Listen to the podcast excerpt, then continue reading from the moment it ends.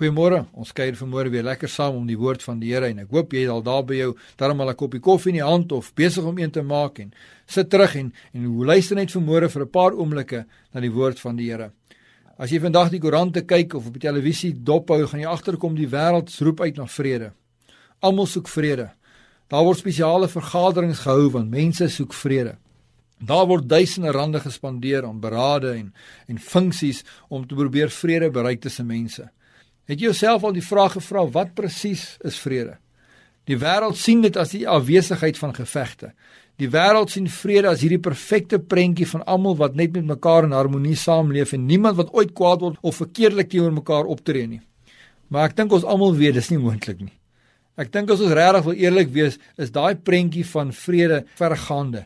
Ons sal nooit werklik waar seker almal in vrede kan wees nie. Daar sal altyd onderlangs 'n streweling met mekaar wees. Maar jy sien Jesus se vrede werk anders.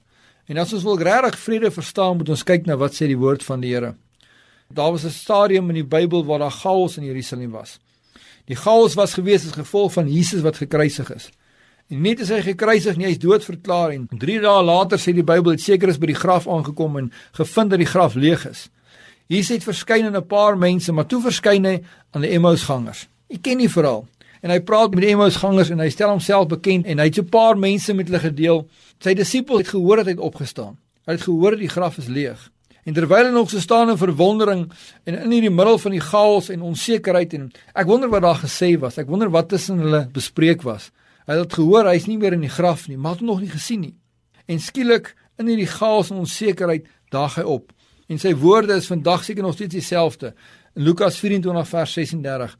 En terwyl hy hieroor praat, staan Jesus self in hulle midde en sê vir hulle: "Vrede vir julle." Jy sien Jesus se vrede is nie die afwesigheid van storm of chaos nie. Nee, sy vrede is te midde van die storm en chaos. Die vrede wat God gee, is een wat sê hy is nog steeds in beheer. Die vrede wat God vir jou wil gee, is te midde van dit waar jy gaan, te midde van die chaos wat daar ook al in jou lewe is, hy is in beheer. En daarom sê hy vrede vir julle. Het dit die chaos verander? Het dit die omstandighede weggevat? Nee, maar die feit dat in hulle omstandighede saam met hulle was, het dit soveel makliker gemaak vir hulle. Iemand het eendag vir 'n dominee gevra: "Waar was God toe my kind gesterf het?" Toe antwoord die dominee hom: "Daar waar hy nog altyd is, op die troon in volle beheer." Kom ons bid saam. Here mag u vrede wat alle verstand te bowe gaan vandag in ons lewe 'n realiteit word. Mag ons besef dat te midde van wat ons ervaar, u nog steeds in ons midde is. Amen.